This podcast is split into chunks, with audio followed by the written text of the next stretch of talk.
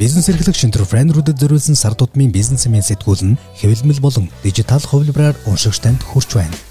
Бизнесийн мэдлэгээр таныг зэниглэнэ.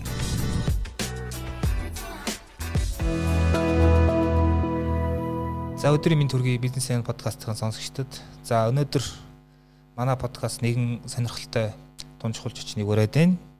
За миний би бизнесменийн ерөнхий редактор Давадарч за бас манай хамтран хөтлөгчээр бизнесменийн сэтгүүлч Лама оролцож байна. За ингээд манай зочин бол одоо Монголын хамгийн анхны монгол хэл дээрх юм зохистой хооллын хоолтын TB гээд аппликейшнийг үүсгэн байгуулагч. За эмчилгээний хоол зүйч. За ягаад тэгэхээр өнөөдөр бид нар бол зөв хоолтын тухай голдуу ярина. Аа за бас тэгээд сонирхолтой нэгэн факт нь одоо Токиогийн Олимпиад Монголын зарим шигшээ багуудыг за тодорхойлбол бокс, жудо, марафоны шигшээ багийн хоол зүйчээр ажилласан мөнхт бол зүйлх ирээд байна. Өдрийн мэнд. Өдрийн мэнд. За баярлаа. За тэгэхээр мөхтөл зөвлөхтэй бол би оноос оны өмнөөс холбогдсон те тантай нэг тухтай уулзаж энэ сэдвээр ярих гэж бодсон. За тэгэл хамаатэр өнөөдөр таныг өрөөд байгаа. За тэгэхээр эхний асуулт бол TB гэдэг энэ сонирхолтой аппликейшнээс ер нь эхлэх одоо өстой гэж бодож байна. Ер нь те одоо зах зээл дээр байгаа цорын ганц юм аппликейшн байгаа. Яагаад энийг байгуулах болсон те үндсэн шалтгаан цаад тэр зорилго нь юу вэ эндээс яриаг эхлэе явч те. За зорилго нь бол ерөөсөө л цахим хоол зүүн хоол зүүч гэсэн л өгөлдөө маш энгийнээр ойрхоноор хэлчих юм бол хоол зүүчтэй ингээд хүмүүс уулзахдаа заавал цаг аваад тухайн имлэг дээр нь очиод юм уу эсвэл сургууль цэцэрлэг дээр хоол зүүч хаана ажиллаж байгаа газар очиж ижил уулзаж байгаа дээ. А харин ТV платформоор болвол та зөвхөн апа татаж аваад өөрийнхөө өндөржин нас хүсээ оруулаад шууд хоол зүйчигтэй уулзах боломжтой гэсэн үг байхгүй. За яагаад TB хийх болсон бэ гэхээр манад э, хоол зүйчийг бэлтгээд 20 гаруй жил болж байгаа. Дөрвөн сургууль дээр бол бэлтгэгддэг. Э, би бол одоо яг шүтээсийн төгсөгч. Одоо бас яг анагаахт магистраар суралцж байгаа. Бас энэ мэрэгчлэрээ тийм тэгэхээр хоёр сургуулийн төгсөгч болно гэсэн үг. Тэгэхээр хамгийн анх шүтээс дээр бэлтгэж гаргаж ирсэн л да манай мэрэгчлийг. За ер нь давхарцсан тоогоор яг Монголд бол нэг 300-аас 400-ийн оронд хоол зүшнэр байгаа. Аа. Дүүцүүлсэн өөр мэрэгчлээс орж ирсэн гээд за яг энэ дотроосоо одоо яг мэрэгчсэн эмчилгээний хоол зүшнэр гэхээр нэг 70-аас 80 гаруй хоол зүшнэр л байдаг. За энэ хоол зүшнэр маань хаана ажиллаж байгаа гэхээр улсын том клиникүүд болон хувийн том одоо клиник эмнэлгүүд байгаа шүү дээ Тэгээд том одоо гадны хөрөнгө оруулалттай том сургуулиуд дээр ажиллаж байгаа байхгүй юу? Тэгэхээр яг тэр тухайн ажлын байран дээр ажиллаж байгаа хоол зүйчд бол ажлын ачаал өндөр байдаг. Хэвтэн имчилүүлж байгаа хүмүүстээ зөвлөгөө өгнө. За сургуулийн дэвэл сурагч нартаа зөвлөгөө өгнө. Энийний хажуугаар яг бас хамт явдаг нэг зүйл нь юу гэхээр имчилгээний галтгоо эсвэл сургуулийн галтгоогоо давхар авч явдаг гэсэн үг. Удирдаад авч явна гэсэн үг. Тэгэхээр хоёр ажлыг зэрэг хийхээр тухайн хоол зүйчт маань өндөр их ачаал ирдэг л дээ. За ингэхээр нөгөө нэг яг нийгэм нийт иргэдтэд одоо ингээ хүргэх энэ нийгмийн эрүүл мэндэд ингэж чиглэсэн үйл ажиллагаагаа хийхэд бас ингээд жаахан хүч дутагддаг л гэсэн үг л дээ.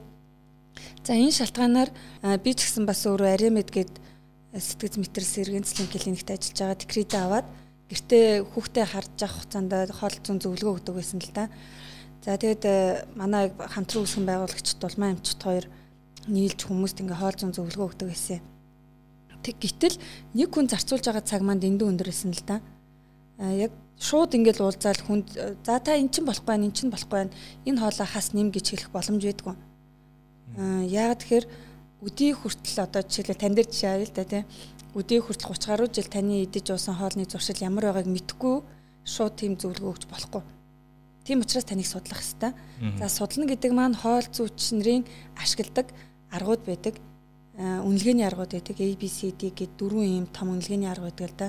Энийг бүгднийг авч судлаад дахиж бодоод за яг та бодит байдал дээр ямар хэмжээний хоол идээд байгаа, илүү аваад байгаа мó дутуу аваад байгаа мó гэдэг дээр үнэлгээ гаргаж ирээд тэрэн дээрээ суурилсан зөвхөн тань тохирох хоолны зөвлөгөө боловсруулж гаргаж ирдэг гэсэн үг байна. Тэгэхээр энд чинь маш их хэмжээний ажил хийгдэл байна гэсэн үг шүү дээ. Тэгээ цаг хугацааны явд ч гэсэн тэгээд энийгээ тэгвэл нэг хүнд өгж байгаа зөвлөгөө мэдээлэлээ одоо энэ насар хурдтай одоо хөгжиж байгаа э, мэдээлэл технологийн ашиглаад энэ яг технологиг ашиглаад хүргвэл яадаг байсан юм бэ гэдэг санаан дээрээс энэ ап үүсгэн байна. Илүү олон нийтэд хүртээ юм чтэй байдлаар тий. Тий.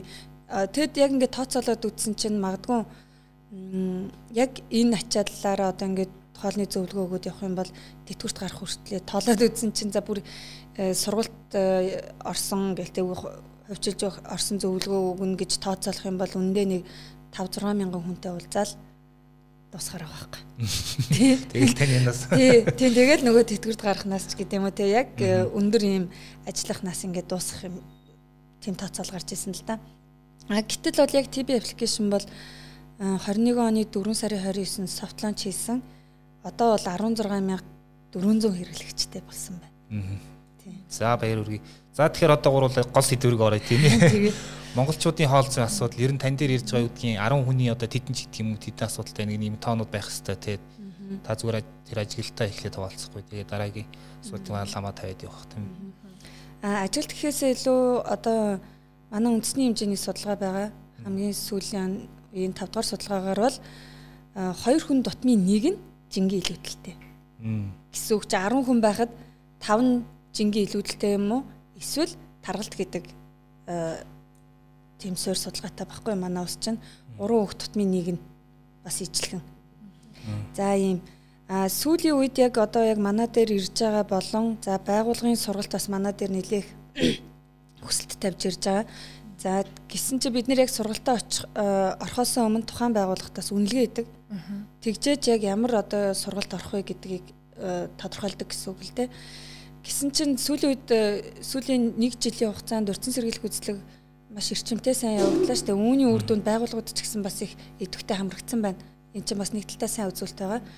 Аа нөгөө талдаа нөгөө талдаа тухайн байгууллага нэг 40 50 ажилтнтай байлаа гэсэн чинь цоо ирүүл бүр яг цоо ирүүл гэдэг хүн бол нэг э, гарын 13-нд хүрэхгүй байсан. Гэдэг чинь 10% нь одоо байхгүй нь гэсэн үг шүү дээ тий. 10 хүний нэг нь л ирүүл байх гэсэн үг байхгүй. Тэг яг байгууллага байгууллагууд дээр хийсэн сургалтын үр дүнгээр бол ийм зүйл ажиглагдсан. Тэгэхээр яг ингээд сүүлийн үед цахим хуудасаар за одоо YouTube, Facebook ч юм уу те иргэд айгүй их өөрсдөө нөгөө чөлөөтэй эрүүл мэндийн талаар мэдлэг мэдээлэл авдаг болсон. А тэгээ яг авж байгаагийнхаа хэрээр одоо бидний энэ хооллох соёлын дадал зуршил багч гэсэн дээшилч ч юм уу те тэгж чадж байгаа юу? Эсвэл чадахгүй байгаа бол яг бидний юу хоошин татаад байгаа вэ? Нэг талаас нэг талаас бас сүүлийн жилүүдэд хүмүүс эрүүл хооллолын тийм ээ зохистой хооллолын эн чи эрүүл байх ёстой байна гэдэг мэдлэг мэдээллүүдийг аваад байгаа. Энэ нэг талдаа сайн. А гэхдээ яг хэрэгжүүлээд өөрийгөө өөрчлөөд энэ үг бол бас үгүй болчиход байгаа байхгүй юу? Бид нар нэг нэг л зүйлд буруу хариулаад байгаа л да. Үндсэндээ бол эрүүл уг нь эрүүл мэндийн асуудал нэгдүгээрт явж явах хэрэгтэй. Гэтэл эсэргээрээ таргалтынхаа асуудлыг нэгдүгээр тавьчихдаг. Тэгээд турах таргалт гэхэр чин турах арга замыг хайна гэсэн үг байхгүй юу хүн чинь тэгээд турах арга замаа сонгохдоо дандаа эрсдэлтэй өөрт жаах юм тохирохгүй аргуудыг сонгож аваад байна л гэсэн. Энэ нь буцаад эрүүл мэндийн эрсдлийг нэмэгдүүлээд байгаа гэсэн үг байхгүй юу. Тийм тэгэхээр зөв мэдээллээс за одоо яг ийм зөндөө олон бас төр хэллээ штэ мэрэгжлийн хаал зүшнэр байгаа тий хувь хувьдаа өөрсдийнхөө хүрээнд явуулж байгаа үйл ажиллагаанууд сургалт хэлбэрүүдтэй зөндөл юмнууд байгаа. Тэгэхээр яг мэрэгжлийн мэрэгсэн энэ хүмүүсээс яг юм зөвлөгөө авахыг л одоо зөвлөж байгаа да. Тэгэхээр одоо таргалчин бол одоо нэг э, ойлгомжны хэдийн шалтгаан байгаа шүү дээ. Ер нь зүгээр юм а жингийн илүүдэлтэй байгаа дээр зүгээр хамгийн их одоо монголчуудын хийж чадахгүй байгаа зүйл гол одоо үрэнцгийн үндэс нь яг юу вэ тэн дээр та За одоо манай монголчууд ч уг нь уламжлалт хоолны соёл бас өндөр арт түмэн байсан л да. Одоо байсан л гэл ярьсан дээр болов гэж бодож байна. Сүүлийн 30-аад жилд бол энийг алдсан. Бид нар нөө ингэдэг нэг юм яхаа мэтгэ хэлсэн гэх юм уу.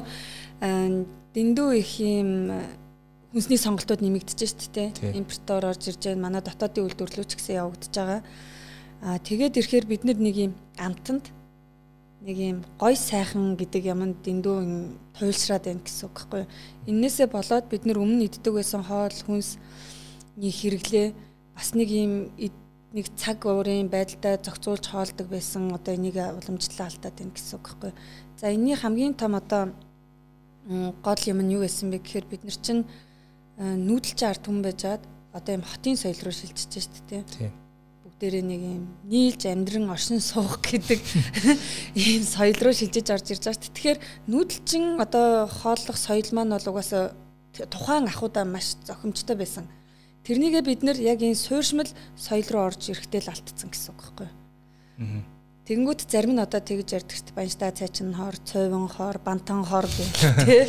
Тий одоо зарим нь бүр ингээд сүү хор тий, сүү бол туглын хоолч гэдэг юм уу тий. Эн чин өөрөө тэр өмнөх ирсэн ахуйгаа энэ соёл руу ингэж авчрахтаа дунд нь ингээ алдсан л гэсэн үг байхгүй. Тэгэхээр энэ дэр бид нэр одоо ялангуяа мэрэгжлийн хоол зүснэр бидний хийж чадах юм юу байгаа гэхээр яг л зөв мэдээллийг л өгөх нь хамгийн том чухал зүйлүүдийн нэг болчиход байгаа юм л та. Тэгэхээр бид нэр хамгийн түрүүнд юун дээр алдаж байгаа гэхээр өглөөний цай гэдэг юм ерөөсөө уухай болсон. Уудган байна. Өмнөх өмнө нь бол бид нэр тэр нүүдэлчин ахуй соёлтойгоо одоо ч гэсэн байгаа шүү дээ хөдөө орон нутгаар байж байгаа хүмүүс манад өглөөний цай бол заавал уудаг. Ягаад гэвэл малаа хариулахын тулд өдөржингөө малаа дагаж явахын тулд тэр хүн чинь хоолоо идчихэж л өдөржингөө тэр илчлэгтэй байна шүү дээ тий. Тэгэхээр уг нь өглөөний цайгаа уус сурсан байсан байгаа байхгүй. Гэтэл одоо 10 хүнээс бараг асуухад 5 л авуудгүй. Яг манаа дээр ирж байгаа үйлчлүүлэгчдийн ингээд дунджийг нь аваад үсэх юм бол тийм байдаг. Тэгээд дээрэс нь усаадаг. Өглөөний цайн дээр бас нэмээд асуухад одоо өглөө оройдоо монголчууд кофений хэрэглээг бас айгүй хэрэгэлдэг штэ. Тэгэхээр яг энэ кофег зөв цогцтой хэдийд яг уувал зөв цогцтой болох юм бэ? Бид хэд чи ингээд харахаар ер нь за өөрийгөө сэргээх гэж чи гэдэг юм те эсвэл ингээд хол замд явахдаа кофег бас уудаг. Тэгэхээр яг кофений зөв хэрэглээний тухай энийг бас өглөөний цайтай холбоод ярил та. Аа. За ер нь бол нэг өглөөний цай уухгүй юм бол танд ерөөсөө шууд хоёр эрсдэл зүгээр л үсээ явж байдаг гэсэн үг. Нэг нь нүтгэн атах. Нөгөөх нь цөс өтгөрл. Баггүй юу? Тэгэхээр хүн унтаад амарж байгаа ингээ унтчих хугацаанд бүх бие ингээ амарж байгаа шүү дээ. Маргаашийнхаа өдрийн үйл ажиллагаанд өөрийнхөө биеийг ингээ бэлтжиэдэг гэсэн үг. За ингээ өглөө босч ирэхэд нь бид нэр эхлээд нэг юм бүлээн усаар э, тэр шөнийн э, ходоодоо жахан бэлтэж өгнө гэсэн үг шүү дээ өдөрт нь. За тэгээд өөр тохирсон одоо өөртөө байгаа хоол хүнсээ заавал идэж явах хэрэгтэй гэсэн үг байхгүй юу? Ингэж чадахгүй бол хоол орж иржээж за дээрэс нь өглөөний цайнд баг зэргийн тослог юм хоол орж иржээж цөс ялгарах үйл явдлыг процесс эхэлдэг гэсэн үг байхгүй юу? Тэгэхгүй өглөөний цай уухгүй ингээ өглөн гараа авчдаг те ихэнх нь тэгэл яараал ингээл гараа авчдаг өдөр цайны цагаар гинт ихтдэг. Гинт их нэг доор их хэмжээгээр идчихдэг. Тэгээ тэрнийгээ уун гэж ярьдаг те. Хоёрдугаар хоол байх чинь ингээ уувчдаг те. Маш хурдан идээд ингээ гараа авчдаг.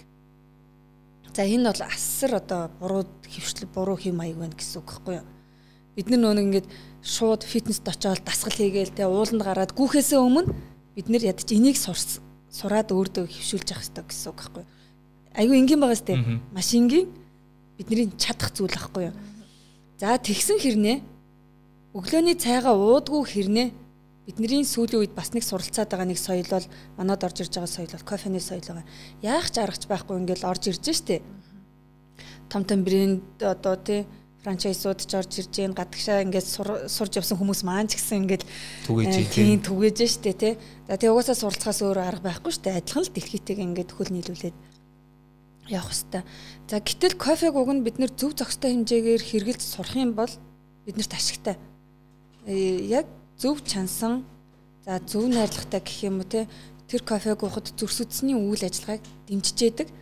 Бас тухайн ажиллах э, сэргэлтийг өгдөг өгдөг гэвэл өгдөг. А харин яавал буруудчдаг вэ гэвэл бид нэр инстант гэдэг нөө найруулдаг кофег уугаад байвал буруу байхгүй юу? За харин түрүүний хэлсэн тэр яг зөв найрлагатай кофег бид нар уг нь э, өдөрт нэг 200 50 грамыг 2 251 2 удаа уучихад хангалттай байдаг. Өдөрт авах кофений хэмжээ тэгэл болчихно гэсэн үг. Хамгийн оройдоо 17 цагаас өмнө. Тэгэл болоо ахгүй. За гэтэл тэхгүй те. Өглөө юу ч идэж уугаагүй байсан ходоодн дээрээ шууд кофе ууж яана гэж найруулдаг кофе хутгаал очдөг. За тэгээ тэр яг кофе байсан уу гэвэл биш. Дээр нь сахар орцсон байдаг. За кофе төст гэж байгаа шүү. Аха орно. Тэгээ дээр нь сүүгээд байгаа зүйл маань яг цэвэр одоо бидний ингээл үнэний сүү шиг сүү биш шүү дээ тий. Үйлдвэрийн араагаар гаргаж авсан бас сүү төст бүтээгдэхүүн харцсан байгаа л гэсэн үг. Тэгэхээр бид нэр яг юу болсон бэ? Харин тэ эсэргээр яг тухайн үедээ мэдээж нэг юм сэргсэн юм шиг мэдрэмж өгж байгаа л да. Тэгээ нэг хоёр уугаад шууд муудчихгүй штэ. Хамгийн багадаа тасралтгүй 6 сар 1 жил хэрглэжээж одоо сөргүүл сөрөг байвал сөрөг нь сайн байвал сайн нь гарч ирдэг гэсэн үг байхгүй юу? Эсвэл яг оройн цагаар ч юм уу те яг ажиллаа хийхин тулд. Тийм. Өглөө өглөөний цайтай холбож ярьж байгаа нэг хэсэг шүү. Тийм. Тэгээд За тэгээ тэр кофего зүгээр ядаж дангаар нь уухгүй. Хар кофе уужснаа дээрээс нь сахар хийн. Тэгснээ хажуугаар нь нөгөө нэг ингээд юм далд сахар далд өөх тус агуулсан ингээл жигнэмэг па юу эдийн те шоколад ч юм уу те тэрнийгээ дүүрэл ингээд идэв. Тэр нь кофетэй юу хайлж идвэл зүгээр. Тэгээд бас очил те. Өглөөний цайгаа уучих юм бол өглөөний цайгаа уучих юм бол кофег заавал нэг зүйлтэй тэгэж хавсаргаж идэх шаардлагаг нь бол байдгүй. Зөв зөв. Өглөөний цай гэснээс одоо монголчуудын бас нэг тийм одоо соёл химиг юу гэх юм нэг тийм жоохон буруу зуршил юм хонсон хоол иддэг тийм ингээд өглөөний цайн дээр хонсон хоол идэх явдаг маш олон хүн байгаа. Энийний одоо юу гэдгийг үр дагавар гэх юм уу ер нь талаар яриул. Энэ айгүй яриухтай зүйл. Хүн болгон л өөрөө өөрийнхоосоо тайлбарлана л да. Зөв буруу зөв буруу гээл те. Аа ер нь бол ингээ хоёр талтай байхгүй юу? бүх юм чинь ер нь хоёр талтай шүү дээ. Туйлын үнэн, туйлын худлаа зүйл гэж байхгүй. Тэгэхээр бид нэр өөрсдөө ямар байх хэвээр бид нэр өөрсдөө л мэдлэгтэй байх хэвээр. Нэгдүгээрт өөр өөрийнхөө амруугаа оруулж байгаа хоол чинь таны өнөөдрийн байж байгаа үр дүн баггүй юу?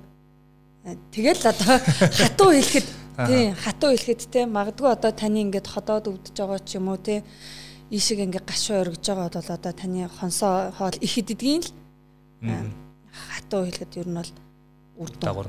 Тий, үр дагавар гэсэн үг. За гítэл зарим үед яах ч аргач байхгүй тий ингээд хоол хонох тохиолдол гардаг тий.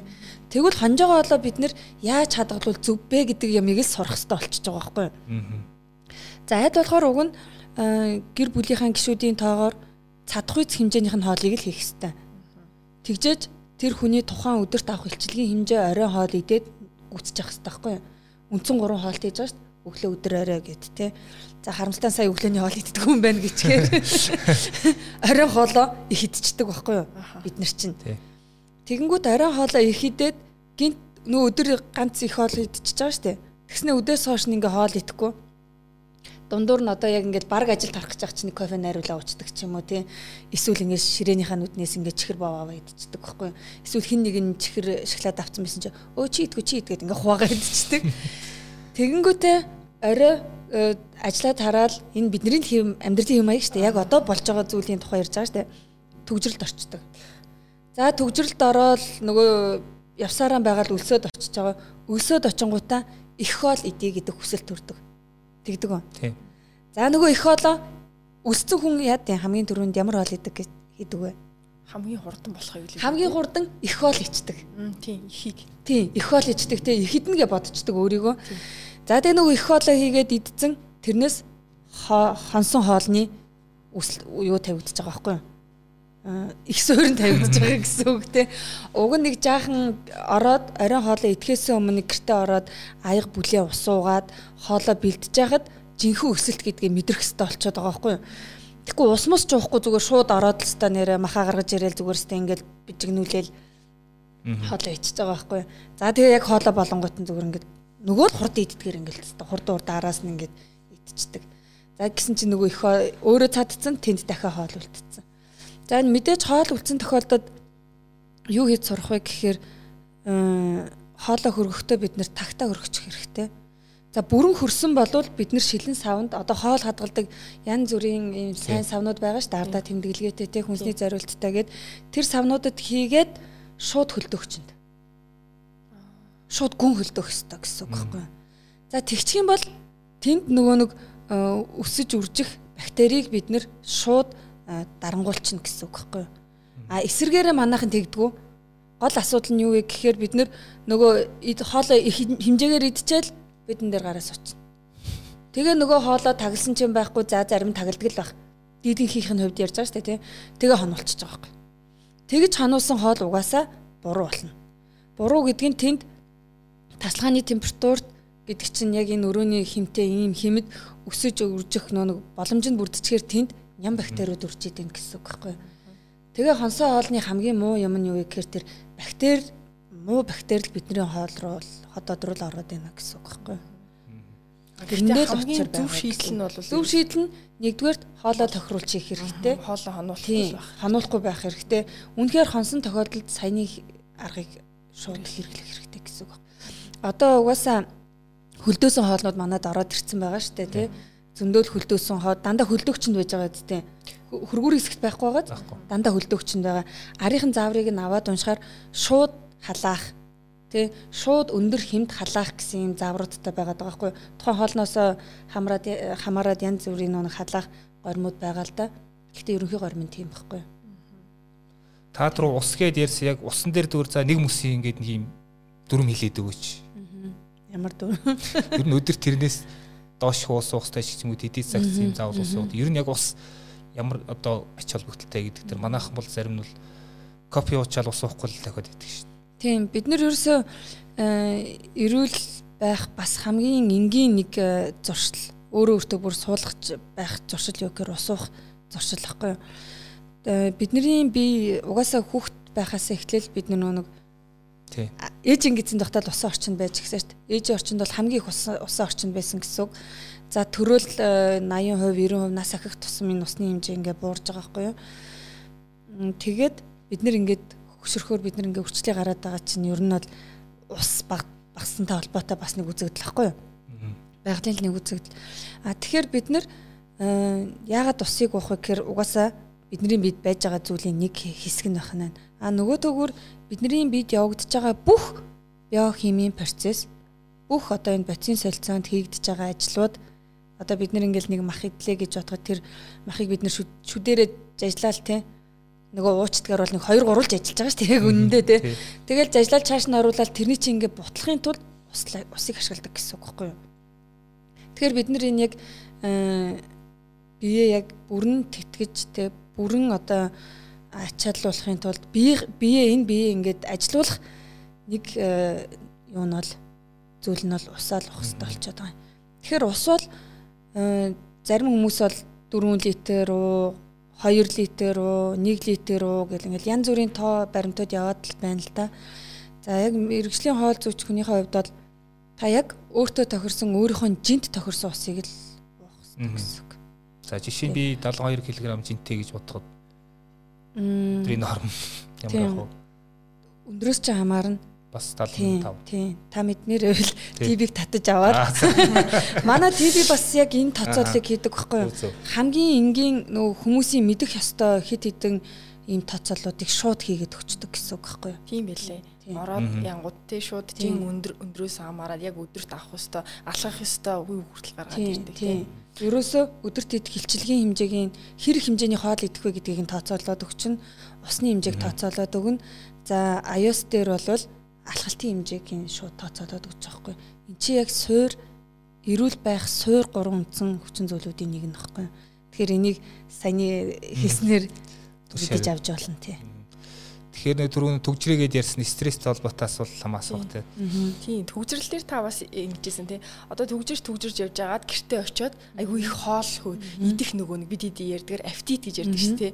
За тэгээд зөвхөн төгжрөл дээр ч биш одоо зүгээр ингээд ажил дээр сууж яхад л айгүй идмэр санагдал ойр орох идмэр санагдаа тий. А тэр чинь эн чинь нөгөө идэхийн дуршил чинь эргээгээ тий. нөгөө энэ хоолны төвшин шимд хижээлийн дутагдал тэгээд нойргүүдл стрессээс бас хамаарж байгаа юм хүчин зүйл гэдэг ба штэ. А гэхдээ Улаанбаатар хотод амьдарч байгаа бид тийм ээ нойргуудлаас стрессээс ангид байж ерөөсө 100% ангид байж ерөөсө чадахгүй байгаа шүү дээ. Яг энэ тохиолдолд яах вэ гэдэг. Аа. За эн чинь ингээл нэг хонсоо олноос нөгөө нэг юу шиг те оройн эцэн хоолноос эхэлтээ болчихж байгаа байхгүй юу? Аа. Бүх юм ингээл угаасаа ийм уялдаа холбоотой л байгаа штэ тий. Тэгэхээр бид нар ер нь яаж стресст өртөөд байна? Яагаад нойргуудалд өртөөд байна гэхээр орой дэндүү өндөр илчлэгтэй бол идчихээд байгаа. За тэгээд аа тэрнээсээ болоод бид нар унтаж чадахгүй байхгүй юу? Хоолоо шингээж чадахгүй. Уг нь хүний бие амрах гэдэг гормоо тааруулсан тэг команда тааруулсан байж хат ходоо тэнтэл ажиллаад байна гэсэн үг. Нөгөө их хоол идсэн. Зөндөө их мах идсэн. Өөх тостой хоол идсэн. Уг нь хоол идэх ёстой гэвэл бид нар идэх ёстой шүү дээ. Гэтэ яхан буруу сонголт хийчихэд байна гэсэн үг байхгүй юу? За тэгээ нөгөөдхий чинь шингээх гэж шүнжэнгөө ходоод ажиллаад хончиж гин гэсэн үг. За тэгээ өглөө босоод ирэхээр нэг унтсан чим шиг унтаагүй чим шиг л босч ирж байгаа зү. Тэгэж босч ирсэн хүн чинь шууд стрессддэг ер нь. Бүх юмд бүх юм ингээ амраагүй хүн чинь угаасаа яаж юмыг тайвнаар хүлээж авах вэ? Угаасаа боломж авахгүй шүү дээ. За ингээд стрессийн хүчин зөв шууд нэмэгдэж байгаа гэсэн үг байхгүй юу? Нойр гэдэг чинь бид нар уг нь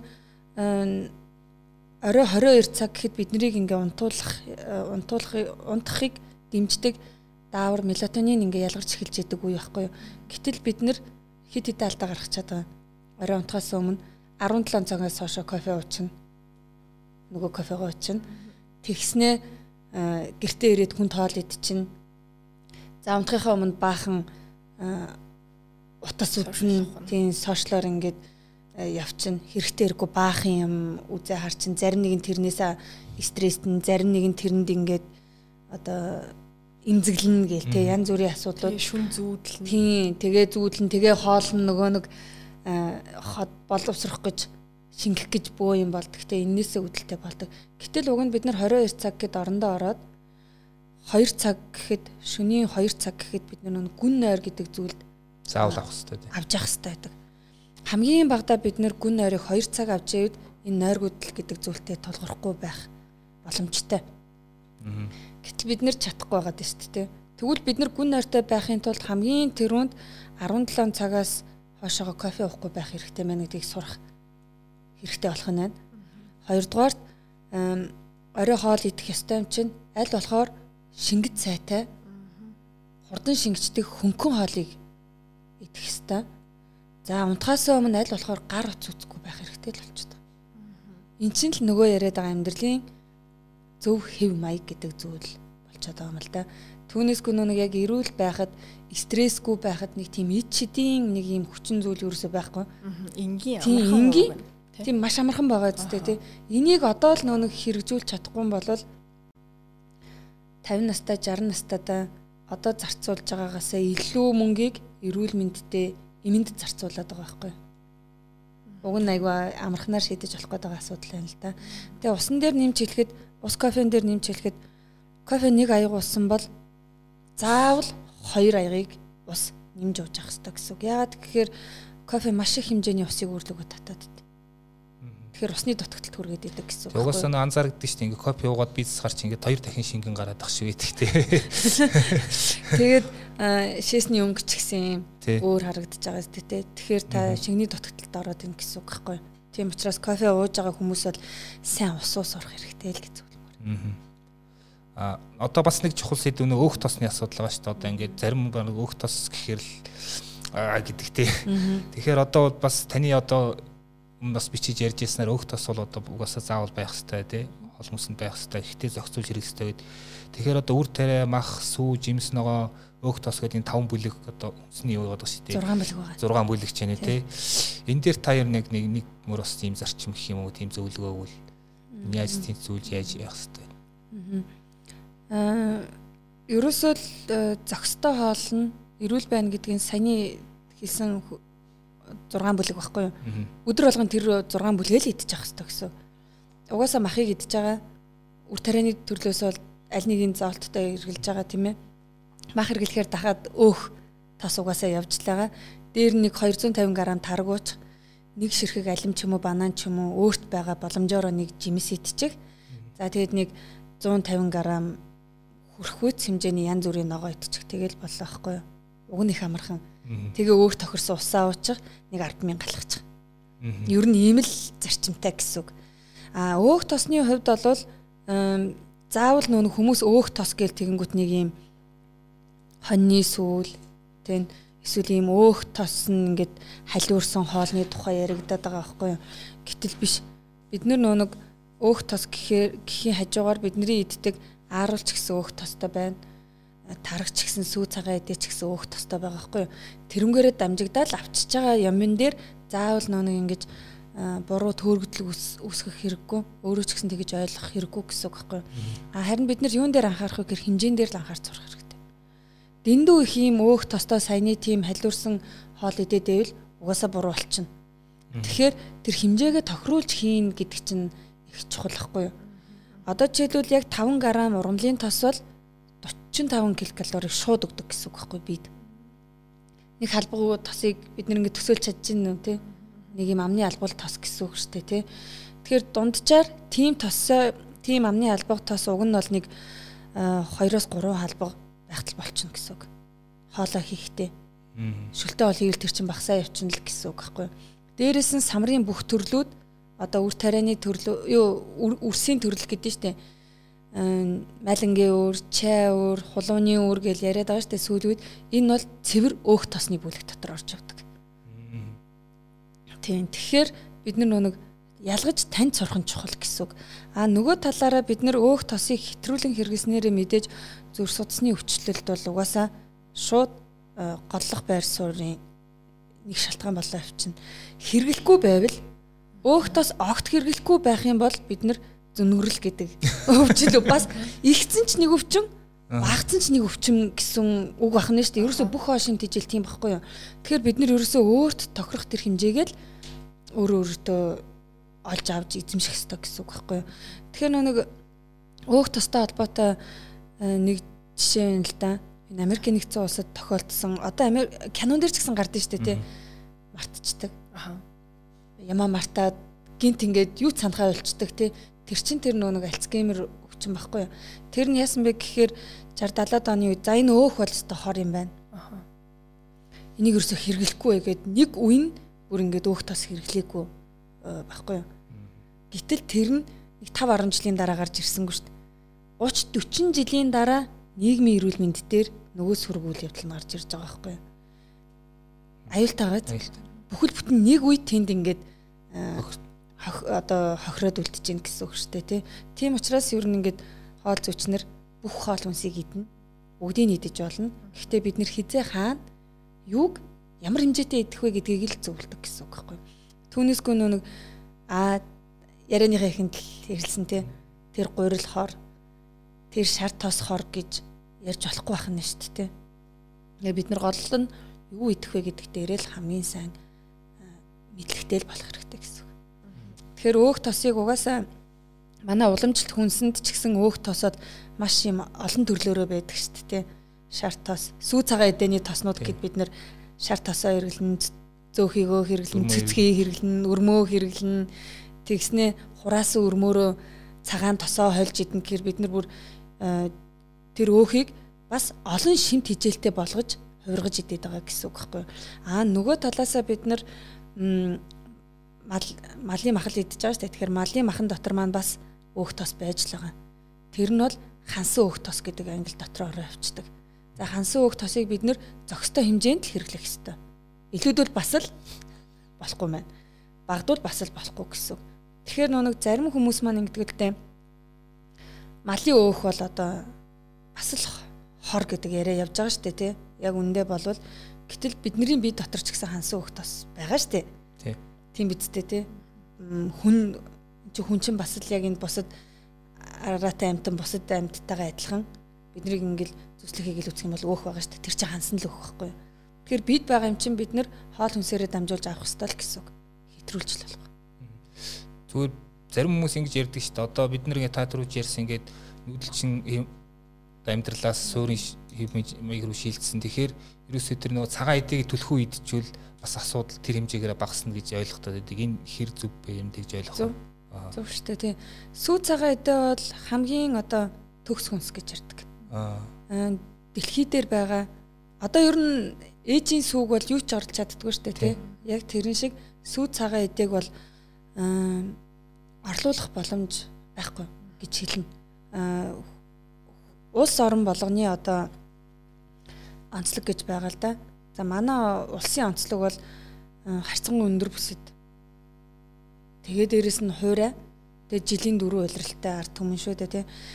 Тэгэхээр манай сүү цагаан эдээ болвол сүү цагаан эдэнд маань юу агуулгадж ядгүй гэхээр уураг, өөхтөс, мөрсөс амин дэм эрдэс байдс гээд Бүгдээрээ. Тийм, бүгд байдаг. Усч байдаг. Тэгэхээр энэ сайн хүнсээ бид нэр одоо энэ яг уламжлалтаараа бид нэр ямар сайн хэрэгэлдэг байлаа те. Тэгэхээр энийгээ бид нэр тэр ахугаасаа энэ одоо өөрчлөгдөж байгаа энэ ахуй руугаа авчрах хэрэгтэй л болчиход байна. Тийм учраас түрүүн би нэг үнсний 6 хүнс заавал хэрэглэх ёстой. Тэрэн дотор сүү цагаан эдэг ядаж 250 грамыг хэрэглээч гэж хэлээд байгаа. 250 грамм юм уу эсвэл 250 мл хэрэглээч гэдэг зөвлөгөө өгöd байгаа байхгүй. Өөх тостой холбоос угад нэг өөх тостой хоолны араас хийж үлсэн унда уудаг нэг тийм бас нэг зуршил байгаа шүү дээ. Энэ ер нь юунд хүргэж болох вэ? Э энэ ер нь бол яг яваа яваанда цөс өтгөрл өвтгөө хаталт бүдүүн одоо ерөөсө хоол босруулах замын бүхэл өвчний суурилд тавигдана гэсэн үг. Тэгэхээр одоо өг тостой хоол идсий дараа задлах маягаар ундаа уух бүлээ ус. Тийм бүлээ ус уух хэрэгтэй. Бүр үнэхээр одоо одоо шингэхгүй байгаа тохиолдолд бол ногоо итгэх хэрэгтэй. Тэгжээж л задлаа.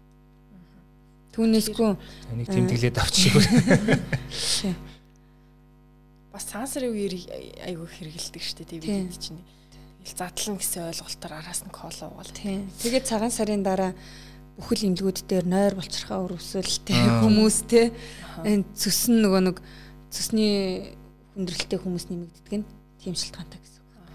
Зөв зөв. Тэгэхээр витамины тухай нэг ярэ. Ер нь судалгаагаар бол ингээ уншихад монголчуудад D витамин ер нь айгүй их дутагдсан гэдэг ийм судалгаа өгд юм билээ. Тэгэд яг уу Д витамин дутагдсанаар гэхдээ бид хэд энийг бас тэр бүрчлэл нэг сайн мэдтгүү. Ядарн, сүлдэн те гэх мэтчлэн наад захын нөгөө нэг ийм юунууд асуудлууд гарч ирдэг. Тэгэхээр яг одоо бид хэд тийм энгийн замаар те энгийн ийм хялбар аргаар яаж дархлаагаа дэмжиж яаж тэр витаминуудыг юу н яаж хэрэглүүл зохимжтой юм бэ гэдэг талаар. Тэгээ хоол хүнснийхээ хажуугаар. За Манайх ч угаасаа нэг Эквадорын бүсээс хойш тээ. Тэгэд 100 одоо богинохон болцсон. Тэгээ одоо ч гэсэн 100 болж чадахгүй болж чадахгүй л шүү дээ. Тэгэхээр бид нар нэг D витаминыг ер нь яаж авдаг гэхээр марны одоо тусгалаар арсан дээрээс нийлэгжүүлж авдаг гэсэн үг байхгүй юу? За түүнээсгүй яг манад бол D-гийн одоо өндөр их сурвалжтай хүнс гэвэл яг манай орны тухайд бол их харцсан хомс. А харин кальц нь өндөр байдаг гэсэн үг байхгүй юу? Тэгэхээр бид нэр яах ч аргач байхгүй дээг бол нэмэлтээр уух хэрэгтэй болчиход байгаа юм. Д витаминыг тохирсон зөвлөмж хэмжээгээр гэж байгаа. За хүүхдэд бол 5 нас э, э, хүртэлх хэмжээнд бол олон улсын нэгжээр 400. За насан турсан хүн бол мянгаыг ууж авах хэрэгтэй тий. Тэгээ энийг л өдөр болгон уух хэрэгтэй гэсэн. За бусад витамины хувьд бол төрөний хэлсэн хүнсний 6 бүлгээ рээ яг л хооллоод ах юм бол тэгэж э, өндөр витамины дутагдлалд орох байхгүй уг нь бол. Бид нэр яг л тэр саяны би нэг хэдин хэмжээ хэлсэн шүү дээ тий. Тэрнгээрээ идэж угаад одоо ингээд э, амьдралын одоо зөв хэмнэлтэд яваад ах юм бол заавал тэгж нөө витаминыг ингээ хэрэглээд ах хэрэггүй гэсэн үг байхгүй гэтэл витамин гэдэг чи яг үнэндээ бүр 100% сайн витамин байдгүй гэвэл байхгүй байдгүй шүү дээ 5 10% орсон болвол витамин гэдэг нэршилтэй болцоод ийн гэсэн үг байхгүй. Тэгэхээр чин дахиад нэг юм үйлдвэрийн аргаар гаргаж авсан зүйлэл идэж уух гээд байна гэсэн үг байхгүй. Тэрэнд ормод нэг ааруулаа хүлэгчдэг. Нэг ээзгийн шүү суучдаг тий. Нэг анис нэрсээ идчихдэг. Тэгээ нэг луун байцаагаараа салаатыг идчихдэг бол тэгээд тэр чинь витамин байхгүй. Би бол баг витамин зөвлөдгөө За бүр үнэхээр шаардлагатай тохиолдлууд гэж байдаг. Биохимийн шинжилгээ өгөөд үнэхээр А витамин дутагдсан. Тийм. Эсвэл В-ийн төрлийн витаминууд дутагдсан. За В-ийн төрлийн витаминууд угаасаа хүний биед нөөцлөгддөггүй. Өдөр болгон хоол хүнсээ идчихэж л хүний биед байж идэг гэсэн үг байхгүй юу? За бүр тэр гүн дутагдалд орцсон тий. Эрцийн шинжилгээ өгсөн чинь магн кайс дутагдсан ч гэдэм үү тий. Энэ тохиолдолд витаминыг зөвлөдөг гэсэн үг байхгүй юу? Түүнээсгүй ингээд толгой дарааллан за би ядаргаанд орцоон гэл дураараа худалдаж аваад идэг зүйл бас биш байхгүй. Тий. Тэгэхээр витамины илүүдэл ч гэсэн хүний биед сөрөг нөлөөтэй штэ. Гиф гипервитамин витаминууд гэд бас өөр төрлийн сөрөг нөлөөллүүд гараад эхэлдэг байхгүй. Тэгэхээр бас болгоомжтой хандах хэрэгтэй. Яагаад тэгэхээр манад бас тийм сайн витаминууд орж ирж гинүү гэвэл бас л судлах ёстой асуудлын нэг болчиход байгаа байхгүй. Тэгэхээр ориг витамин бол ерөөсөө л хоол хүнс гэсэн. Тийм байна. Тэгээд дээрэс нөө витаминыг манайхан бас их замбраагүй хэрглэж ин сүүлийн үед алган дээрээ тавьж байгаа л зэрэг зэрэг ингээ уучдаг. Гэтэл зарим витаминыг хол зайтай уух витаминууд байдаг. Тийм. Жишээлбэл кофе уучингуудаа араас нь кальц уучих юм бол ямар ч юугүй гэсэн үг. Нэмэргүй гэсэн үг байхгүй. Яагаад гэвэл тэр кофенд дагуулгадж байгаа кофеин шууд кальцийг устгацдаг, дарангуйлцдаг гэсэн үг. Тэгэхээр зүгээр л ингээд угаал биеэрээ гадагшлуулчихна гэсэн үг байхгүй. Ашиггүй. Тийм ашиггүй тийм. Тэгэхээр дэг бол угаасаа бид нэр биднэрт бол их сурулж баг учраас ер нь бол дэг бол ууж ах хэвээр. Тэгэхээр ламаас турах талаар бас асуух гэдэг шиг тий одоо. Тийм та нөгөө Facebook дээр бас нэг пост хийсэн байсан шүү дээ тий. Одоо сүүлийн үед нөгөө кето хоол гээл энэ тэнүүгээр за тэгээд тэр дундаа энэ нь бас нэг охид бүсгүүчүүд тэр дундаа одоо нөгөө нэг жирэмсэн жирэмсэн эсвэл хөхүүл эхчүүд дээр те ямар нэгэн байдлаар одоо нэг юм асуудлууд тураана гэдэг ч юм уу те нэг тийм айгүй амархан ингэж яриад байгаа энэ асуудал болоод байна гэсэн байсан. Тэгэхээр та энэ талаар тодорхой гой зөвлөгөө мэдээлэл өгөх гэж. Кето хоол бол хүнийг тураах дэглэм огт биш. Нэгдүгээрт кето хоол гэж яг юу гэхээр эмчилгээний хоол ахгүй юу? эпилепси буюу нөө уналт таталтай гэдэг штэ тий саажилттай уналт таталттай тийм өвчтөй хүүхэд насанд хүрэгчдийг эмчилгээний олохгүй. Тэр хүмүүс дээр өгөхдөө мэрэгжлийн мэдрэл сэтгцийн эмч, сувилагч, эмчилгээний хоол зүснэрийн нэгдсэн баг байжээж тэр тухайн хүн дээр нарийн тооцоол хийдэг. Тэг үндсэн онш онш тодруулаад нарийн тооцоол хийгээд богино хугацаанд 10-аас 14 хоногийн хугацаанд хэрэгжүүлээд дахиж химжээд дахиж одоо биохимийн шинжилгээ аваад тэгээ эсвэл нөө шинж тэмдгийн одоо үндэгээнүүд хийгээд дахиад үргэлжлэх үргэлжлүүлэх үгүй гэдгийг шийддэг эмчилгээний олохгүй юу. Кето хоол нь өөрөө маш өндөр хэмжээний өөх тос уургийн суурьтай гэсэн үг. За нүүрс ус бол бүр маш бага хэмжээгээр 5%-ийг ингэж агуулж яадаг гэсэн үг. Бусд нь өөх тос гэсэн үг байхгүй юу. Тэгэхээр кето хоолыг бүр яг ийм тавган дээр ингээ хоол болгоод буулгах юм бол одоо бүр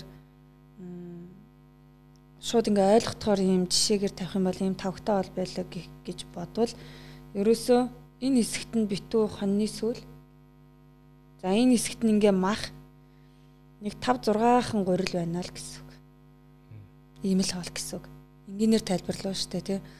Тэгэхээр мэрэгжлийн хоол зүйчнэр кето дайтыг хөтөлбөрийг боловсруулж бодохын тулд Тэгээ хүнд таатай мэдрэмжтэй хоол болгохын тулд маш их юм тооцоол хийдэг байхгүй юу?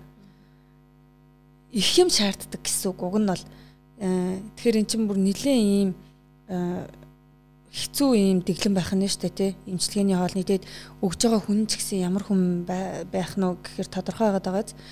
Гэтэл энүүнгээр одоо хүнийг тураана гэдэг бол яг нэг талдаа хүмүүст ингээд туслах гээд байгаа байгаад байгаа хгүй нэг талтаа уг нь бол тий хүнийг бас уг нь тураах гал байна л да. Гэтэл нөгөө талдаа бол хорлцож байгаа хгүй. За кето дайтаар э, жингээ хасдаггүй гэвэл хасдаг. Хасах үед бол хасна. Э, гэхдээ энэ бол амьдралын хэв маяг огт биш байх нь шүү дээ. Энэ бол бүр имчилгээний нэг төрөл ямаа гэдгийг л ойлгочих хэрэгтэй гэсэн. За бүр яах чаргагүй одоо ингээд тохиолдлуудад бол жишээлбэл тамирчид дээрч гэдэг юм уу те юу юуг одоо нэмгрээл тэмцээнд орох гэж байгаа тамирчид дээр богино хугацааны одоо кетогоос арай өөр юм дэглэмүүдийг бол хийж болдог. Гэхдээ энэ бүр юм гарцаагүй тохиолдолтой байгаа дагаад. За түүнээсгүй одоо яг э, чиний асуусан юу юу ингээл тэмцээнд орох гэж байгаа тамирчин биш те тий. Юу юу хагалгааны заалттай болцсон ч юм уу те. Бүр аминд тулсан ийм э, шаардлагагүй бол кето дайтаар битээ оролдоорой гэж зөвлөмөр байна. За яагаад тэгж хэлж байгааг гэхээр кето дайтын араас хит хитэн ийм сөрөг үр дагаврууд гарч ирдэг. Хамгийн одоо багада 1 2 жилийн дараа мэдрэгдэнэ. Тэгэхээр хүмүүс нөө 1 2 жилийн дараа мэдрэгдэх учраас мэдхгүй яваад байгаа байхгүй юу? Одоо бол нэг гой турцсан л байгаад байгаа. Гэтэл 1 2 жилийн дараа юу мэдэгдэх вэ гэхээр цөсний өтгөрл, нойр булчирхаа өрөвсөл, өтгөө хаталт тэгээд дээрэс нь маш их юм ядралт тавна. За тэгээ нүүрс ус орохгүй болохоор сэтгэн бодрох бодох одоо чадвар тархич нүүрс усаар ажилтдаг шүү дээ тий. Э энэ зүйлүүдэд нь алдагдаж эхэлнэ гэсэн үг байхгүй. Боцын солилцооны эргэшгүй өөрчлөлт гэж ярьдээ. Энэ зүйлэл одоо таны хүлээж тий тий энэ зүйлэл одоо таны хүлээж байгаа гэсэн үг байхгүй. Аа 3 дугаарт кето дайтаар турлаг гэд өөхөн эс хизээж ингэж алга болтгоо зөвхөн ийм томруулсан байсан хэмжээл багасдаг гэсэн үг. Кето дайтаар э, хамгийн удаандаа 1 2 жил одоо хооллоо гэж бодъё л доо. Зарим хүмүүс бол бүр энийг ингээд энэ бол хэв маяг амьдралын хэв маяг гэж яриад байгаа шүү дээ. За 1 2 жил э, хооллоо хизээ нэгэн өдөр гурил будаага санал л да. Үр тарианыхаа төрлийг санаа штэ. Санахаас илүү би чинь дийлхэ ойлж гин гэсэн үг байхгүй юу? Болохоо ойлоод бүр тэрнийг ингээ идмээр байгаа тэр э, амтаар одоо нэг юм идмээр нэг гэж нэг юм дуршлаар илэрхийлж эхэлнэ гэсэн үг байхгүй юу. За тэгээд яг буцаад нүүрс усаа идээд эхлэхэд анх жингээ хасахад та нэг далаас эхэлсэн бол шууд ир болно л гэсэн үг. Хамгийн аюултай нь тэр. Өөр өөрө бүр бүрэн наадж гин гэсэн үг шүү дээ тий. За энээс болоод дахиж бүр урт хугацааны хоо шинтэжээлийн хяналтанд ор явхаас өөр ийм гарцаагүй ийм тохиолдолд ирнэ гэсэн үг байхгүй. Одоо эхний хохирогчд бол эхнээсээ ирж байна да. Аха. Тий. За за одоо бүр үнэхээр одоо өөрийгөө мэдээд те өөрийнхөө одоо эрүүл мэндээр тоглохгоо шийдсэн. Аа одоо тэр турна гэдэгтээ бат итгэлтэй бол одоо хийхээсүр арга байхгүй. Гэхдээ та хөхүүл байвал жирэмсэн байвал битгий э, бити ийм зүйлээр наадаарай л гэж хэлмээр байна. Яагаад тэгэхээр жирэмсэн хүн бол хамгийн өндөр илчлэгтэй хоолыг идэж явах хэрэгтэй. Яагаад гэвэл дотор нь хүн бүрлдэж байгаа. Тэр хүнийг бүрлдэхэд шаардлагатай хоол хүнсийг бид идэж явах хэрэгтэй гэсэн үг.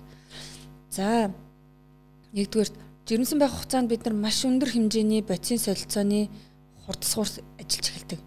Ингээд жирэмсэн байхад ингээл э, арьс ус ингээл гоё болоо л тий нэг юм өөр болцдог штэ. Хоол ийцэн ч хурдан шингээл те тэр чинь ингээд оо боцин солилцоо хурдтай ажиллаад байна гэсэн үг байхгүй а харин төрснийхөө дараа бид нар шууд үн төрөөл бид нар өөрийнхөө буцаад нөгөө юм яг хувь хүний хувьд нэг юм ганц бие л болчихж шít. Уган дотроо хүн байжсэн. Төрхөөр ингээл өөрөө л үлдчихэж байгаа штэ тий. За энэ процесс юу явагддаг вэ гэхээр э, нэгдүгээрт бид нар хүн төрүүлээ гаргаж байгаа учраас өөрт маань маш их хэмжээний шимтгижэл хэрэгтэй болно. Шимтгижэлийн дөрөлтөд орчиж байгаа шүү дээ. Тэгээ дээрэс нь бид нэр төрх явцтай бас цус салдалт их явагдаж байгаа гэдэг чинь төмөр тэр чигээр гараа авчиж чинь гэсэн үг байхгүй юу? Буцаад бид нар тэрнийг зөвхөн хоол хүнсээр л нөхөж авах хэрэгтэй. Өөр югаар ч нөхөх боломж авахгүй. Тэгжээж бидний бид дахин сэргэж эхэлдэг гэсэн үг. За ингээд ээж бол төрөөд 4 э, жилийн хугацаанд буцаж өмнөгшгээгээ биеийн сэргдэг. Тэгэхээр бид нар нэг нялх битээ ээж гингүүтээ нэг хүүхдийнх нь нэг юм сараар насаар нь тооцоод идэг. Гэтэл бидний энэ өөрийгөө дахиж сэргээх энэ хугацаа чинь 4 жил гэхээр бид нэр энэ 4 жилийн хугацаанд өөрийгөө маш сайн шин тэжээлэр хангах хэвээр бас өөрийгөө хайрлах хэвээр болчиход байгаа байхгүй юу. За хайрлах гэдэг нь бас хоёр талтай. Сэтгэл зүйн асуудал Сэтгэл зүйн хувьд бид нэр өндөр юм юунд орж байгаа штэ. Ачаалалд ордог тий. Нэг талаасаа ингээл хүүхдээ өсгөн, хүүхдээ өсгөх хэмжээний сэтгэл зүйн хүчтэй байх хэвээр. Нөгөө талаасаа би ч гэсэн хүүхдээ өргөөд гаргах байнга л хүүхдээ асарж байгаа штэ тий. Ээж хүн бол хөхүүлэн тий ингээл асарн хоол ундын гэл хийхээр энэ болгоныг хийж явах хэмжээний хүчтэй байх хэвээр. Энийг хийдэг гол зөв чи хоолт өөр байхгүй. Хоолт дотроо Төрөний ярьсан нүүрс ус байхгүй. Нүүрс ус нь хамгийн багадаа 50 55-аас 65% байжж саяны хэлсэн энэ хүчийг эмхтэй хүн гаргах хэвээр. Гэтэл кето дайт би төрүүлсэн те 5% байдгаа гэж. Тэр бүр эрс ялгаатай байгаа маш их ялгаатай зүйл болчихж байгаа зү. Тэгэхээр энэчнээс л ер нь бодох юм бол хэр их нэг ийм эрсдэлтэй алах юм бэ гэдгийг л ойлгож болно л доо. За тэгээд нөө эмэгтэй хүн төрснийхөө дараа яг хин нэг нь ингээл өө яас их таргалцсан буцаа жиндээ очиагүй ч юм уу гэдэг ийм асуудлууд гарч ирдгээс холбоотойгоор төрсэн хөхүүл ээжнэр маань хурдан жиндээ очие гэдэг л одоо ийм асуудалтай тулгараад идэг байхгүй. Тэгэхээр жингийн асуудал угаасаа ямар ч тохиолдолд нэгдүгээр асуудал биш. Нэгдүгээр асуудал эрүүл мэндийн асуудал. Эрүүл мэндийн асуудлаа тодорхойлоод би яавал эрүүлчих вэ гэдэг ямаа зөв мэдлэгээр зөв одоо их сурвалжаас мэдлэгээ авчих юм бол одоо бонусанд нь жим бодог байхгүй. Энгийн бахад тэ тий. Тэгэхээр хөхүүл ээж нарын сэтгэл зүй гэдэг өөрөө маш юм эмзэг болцсон байдаг хөхний сүү орохгүй бол ээж л өөртөө буруу өгдөг. Жин буухгүй бол ээж л өөртөө буруу өгдөг те. Хүүхдэн жингийн дутагдaltaй бол бас л ээж. Тэгэхээр тэр ээж дэрж байгаа энэ том сэтгэл зүйн асуудал дээр нь давхар тоглолт хийгээд нэг юм чи тарган байна гэдэг асуудлыг одоо ярмааргүй байгаа байхгүй. Тэр хүн чинь хүүхдээ л өсгөх чухал үүрэгтэй байгаа нэгдүгээрт те хүүхдээ л өсөж том болгож байгаа чухал үүрэгтэй байхын хажуугаар тэр хүнийг дахиж тураах ямар шаардлага байгаа юм бэ те таваас ярьжсэн шүү дээ нөгөө зөв хоол бол турна гэдэг бол одоо асуудал биш энэ бонусд гээ тий. Тэгэхээр юу гэдэг япас энд яг уу гитад юутай холбоотой асуухад одоо зах зээл дээр янз янзын нөгөө нэмэлт хүнсний энэ юунууд байгаа шүү дээ. Одоо хэр бол айпас эхлээл янз янзын тийм нэмэлтээр яа гэхдээ аа тэгэхээр ер нь зүгээр яг энэ төрлийн хүнсний хэрэглээний талаар тийм юу гэдэг ерөхий зарчим байна уу? Бас энэ бас хүн болгонд болгоноос хамаар онцлогоос нь хамаарах гэдэг энэ дээр та зүгээр юу бодож явдаг вэ? Ер нь бол тухайн хүний сонголт. Аа. Э, болг болг гэсэн ч хүн хэрглэж лээд нь штэ тий. Битгий гэсэн ч л одоо нэг хэрглэжээд юм чинь э, өөрийнх нь сонголтын асуулт болж байгаа. Гэхдээ сонголтын асуулт гэл ингээ хайж болохгүй л дээ. Нэг нэгэдээ зөвлөөл ингээ явцдаг те. Тэгэхээр бүр э, түрүү хэллээ штэ. Цаа ирүүл байвал одоо өөрийгөө янз янзын юмд одоо туршиж одоо оруулж болно. Гэтэл хоол боловсруулах замын одоо юутай те эрсдэлтэй цөсөн нүтгэрцэн ходоодны шарахтай улаан олоон сөргөөтэй өтгөн хаталттай тийм ээ. Тэгснэ дээрэс нь бүр нэг шамбрамтай гэл те. Янз бүрийн ийм асуудалтай байжгаад саяны хилдэг энэ янз бүрийн нэмэлтүүд тэг дэглэмүүдийг ашиглах юм бол улам л яг наана турна. Турах гэдэг зорилго дээр л үнслээд ийм арга замуудыг ашиглаад штэ. Яг наана бол гой тураал юм л да. Гэтэл бүр цаана дотор эргэтэн дээр бодисын солилцоон дээр чинь эмгэг өөрчлөлт гараад идэм а гэдгийг л ойлгочих хэрэгтэй гэсэн. Тэгэл сонголтоо ягэрэл гэж хэлдэг дээ ер нь. Тэгэхээр би бас нэг зүйл сонирхолтой байгаа нь одоо хоол зүйчийн хоолны дэглэм нь ямар байдаг юм бол гэж бас асуумаар байхгүй. Одоо таны ууж байгаа шиний битэрийн сарай өөр их шиг. Та өөрийнхөө хоолны дэглэм тэр талаас сонирхуулаач зүгээр. Аа. Нэг дэглэмсэд ах юм ерөөсөө байдгүй. Энд чинь ерөөсөө дэглэм биш байхгүй. Энд чинь амьдралын л хэм маяг. Тийм өөрөө өөртөө суулгасаа одоо зуршлал гэсэн үг тийм. Тэгэхээр саяхан ажил дээр би бэлээ ол ицсэн л дээ. Хоолндоо бүр үнэхээр гарч амжаагүй. Тэгээ арын цаг тулаад исэн. Тэгээ би өлсөөд тэгээ юм идэх шаардлагатай байсан. Тэгэд манай ажил дээр бэлээ олохоор наваа идсэн. Тэгсэн чинь өөр нэг хамтрагч байгууллагын маань хүн орж ирээд өө хоол зүүч хүн ингээ бэлээ ол иддэг юм уу гэт тэгж байгаа байхгүй. Тэгэхээр би идтээ. Хоцролтын гэдэг шүү дээ. Тийм. Идтээ маа. Бүхэн хоол зүүч гээд бусад хүнээс нэг юм өөр зүйл байхгүй штэ. Адилхан адилхан л бас эдэн нуун штэ тий. Гол нь би бэлэн хоол идчихэд дараа нь юу идэж уух вэ гэдг нь чухал байхгүй юу? Түүнээсгүй манай хөвгт ч гэсэн телевизийн реклам үзээд ягаад ч юм ингээд шарсан төмөстэй пицца ч юм уу юм шарсан юм дахиа идэ идэ гэдэг болцсон. Тэг хүүхдээ орилуулаад ингээ авч өгөхгүй байх хэцүү айгу хэцүү байхгүй юу? Энэ ээж хүний хувьд те тэгвэл би э, тэрнийг авч өгөхдөө жишээлбэл 2 сард нэг юм уу? Тэ? Эсвэл онцгой нэг өдрөөч гэдэг юм уу? Ийм зүйлүүдэд одоо ингээ хэрглэж бол хэрглэж байгаа байхгүй юу? Түүнсгүй бүр ингээд огт амьдралд байхгүй гэх юм бол хэлсэн шүү дээ. Туйлын үнэн худлаа зүйл угаасаа байхгүй шүү дээ. Аа тийм учраас бүх зүйлд нөгөө нэг аста туйлширж болохгүй байхгүй юу? Энийг идчихүүлстэй энэ тэр чигээрээ хортой. Эсвэл энийг идвэл энэ энэ чигээрээс тэ хүний эрүүл мэндийг дэмжинэ гэдэг юм байдгүй. Тийм учраас миний амьдралд бусдтай яг л ижилхэн. Гэхдээ ганц ялгаатай зүйл нь юу гэхээр би өглөөний цай хэвээр. Аа ус маш сайн уудаг. Хоёрдугаар хөнгөн хоол маш сайн иддэг. Хөнгөн хоол гэдэг нь юу вэ гэхээр өглөөний цай уучаад өдрийн хоол хооронд нэг юм завсар гардаг штэ нэг ажил дээр ирээд нэг 19:30-аас нэг 11:30-ийн хооронд нэг юм идмээр болдог штэ. Би тэр үеддээ хөвчтөн ааруул юм уу тараг эсвэл нэг э, жимс ч юм уу эсвэл нэг юм авьяасны жигнүү ч юм уу эсвэл нэг хар талах ч юм уу тийм юм л идчихдэг. Нэг хоёр зүсэм ч юм уу нэг тиймэрхүү л хэмжээтэй идчихдэг. За тэгээ өдрийн хоолндоо ихэвчлэн 2 дугаар хоол иддэг. 2 дугаар хоол идэхдээ заримдаа гэрээсээ авчирж ирж идэн, заримдаа ажил дээрээ хийж идэн. Бусдын л адилхан цовин байвал цовин идэн, бууз бол бууз идэн адилхан. Гэхдээ хэрвээ би бууз идэж байгаа бол арай илүү ногоотой идэн. Цовингаа их гэж байгаа бол би арай илүү ногоо хийн. Тэгээ гурилаа ихтэй 2 дугаар гурил ч юм уу бүхэл үрийн гурилтай холио тийм. Нэг иймэрхүү зарчимтай гэсэн. За тэгээд хоол идэхдээ мэдээж удаан ажиллаж идэнэ. Юм юм яриад ажлынхантайгаа юм яриад идэж иддэг. Түнс ингээд ингээл хурдхан хурдхан зажил залгидгөө. За тэгээд усаа уун. За өдөөс хойш болоод ирэхээр а дундуур нь би бас кофе уудаг. Хар кофе л уудаг. Өглөө ерөнхийдөө нэг 10 цагийн үед сахаргүй хар кофе нэг 250 уучдаг. Тэгэл араас нь ингээл усаа уучдаг. За өдөөс хойш бас яг ингээл нойр хүрээлт тэгдэг ч нэг хоёр өнгөрөөгөөд нэг нойр хүрээд ирэхэд кофе уучдаг. Хар кофе л уучдаг. За тэгээд дахиад нэг 3 4 үед ям идмээр болдсон штэ. Тэр үед нь бас л нэг ааруул мааруул хүлэгцэн. Тэгээд дахиад нэг тараг ч юм уу тийм тиймэрхүү юмнуудаа л идээд уучдаг гэсэн. За орой гэртээ орж ирээл адилхан төгжирч яваад очино. Ихэвчлэн ногоотой шүүл юм уу, ногоотой хуурга тиймэрхүү хоолнууд хийгээд идчихдэг. Тий. Тий. Таны энэ хоолтын одоо энэ дадал зуршлыг бас хүүхдүүд нь бас адилхан ингээ харж байгаа юм чин дуурайгаад ингээд яадаг бах тий.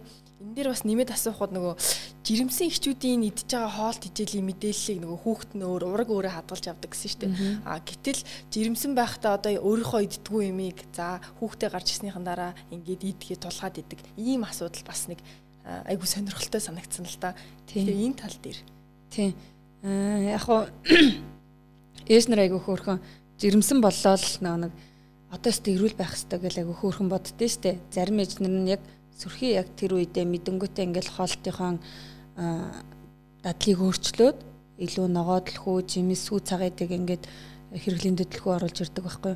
А гисэн чинь төрснийхаа дараа ээж нар гадаа ингээл нэг хүүхдээ бор хоолнд оруулах үеэс нэг ингээ хоолт э, судалж эхэлж байгаа байхгүй юу. Тэгснэ өө яана ногоо идэх хэрэгтэй байсан юм биш тэг. Ногоо идүүлэх юм биш тэг. Ингүүтээ өөрөө ч идэж үзээгүйсэн ногоогоо шууд хүүхдтэй өгөх гэж тулгадаг. За тэрнээс үүдэлтэй ингээл нөгөө хүүхдийн гидс ходоод хямрах тий нөгөө суулгах гэдэг ийм асуудлууд гараад ирдэг байхгүй. Тэгэхээр жирэмслэхээр төлөвлөж байгаа бол жирэмсэн байгаа бол та ирээдүйд хүүхдтэй ямар хоол өгмөөрэ тэрнийг л одоо жирэмсэн байх хугацаанд л идчих гэдэг зөвлөгөө өгдөө. За тэгэнгүүт бас хүүхд чинь хичнээн ээж нь жирэмсэн байхдаа эдсэн ч гэсэн эдсэн ч гэсэн хүүхд нь иддэггүй тохиолдлууд байна. Тийм. Э, тэр нь юутай холбоотой гэхээр аав гэж нэг хүний бас э, гений мэдээлэл тэр хүнд чинь шингэж ирсэн байгаа шүү дээ. Нэгдүгээр хоёрдугаарт хүүхдүүдийн бас нэг юм онцлогуд байдаг л да. Яг бор хоолнд орж байгаа нэг нас, хоёр нас, гурван нас гээл те. Тэд нар чинь ингээд яг үе үеэрээ нэг юм онцлогтой байдаг шүү дээ зарим үед бүр ногоо иддэг байсан хүүхэд бүр ногоо бүр огт идэхгүй ч тохиолдол гардаг. Э, тэр нөх хүүхдийн э, өсөлт хөгжилттэй холбоотойгоор явагдаж байгаа юм үе шатууд байхгүй юу? Тийм. Тэгэхээр бас юу гэж хэлэх гээд байна вэхээр манай хүүхдтэй ногоо иддэг болохоор өстэй эрүүл болохгүй вэ гэж санаа зовх асуудал ерөөсөө биш гэсэн.